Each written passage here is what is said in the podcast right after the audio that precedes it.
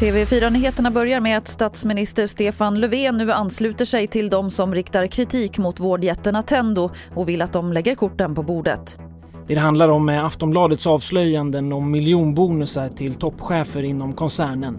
Som en följd av det här meddelade VD Martin Tiveus igår att han avsäger sig sin bonus. Krisen som Attendo går igenom den började i förra veckan när radions ekoredaktion med hjälp av dolda inspelningar avslöjade hur bolaget gett sig på anställda som vittnat om missförhållanden.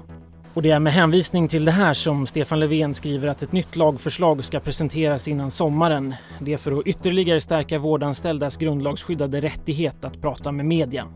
Reporter här var Filip Jakobsson. Priserna på villor fortsätter uppåt. I april steg de med 2% vilket gör att de ökat med 19% det senaste året. Det här är enligt siffror från Svensk Mäklarstatistik. Priserna på bostadsrätter låg kvar på samma nivå som i mars och har det senaste året ökat med 10 Svenskar som vill åka till Australien kan få vänta till åtminstone mitten av 2022. Landets gränser har ju varit stängda sedan mars förra året på grund av pandemin och de enda som tillåts resa är medborgare och personer med permanent uppehållstillstånd. Övriga får vänta till mitten eller kanske till och med slutet av nästa år. Det var det senaste från TV4 Nyheterna. Jag heter Lotta Wall.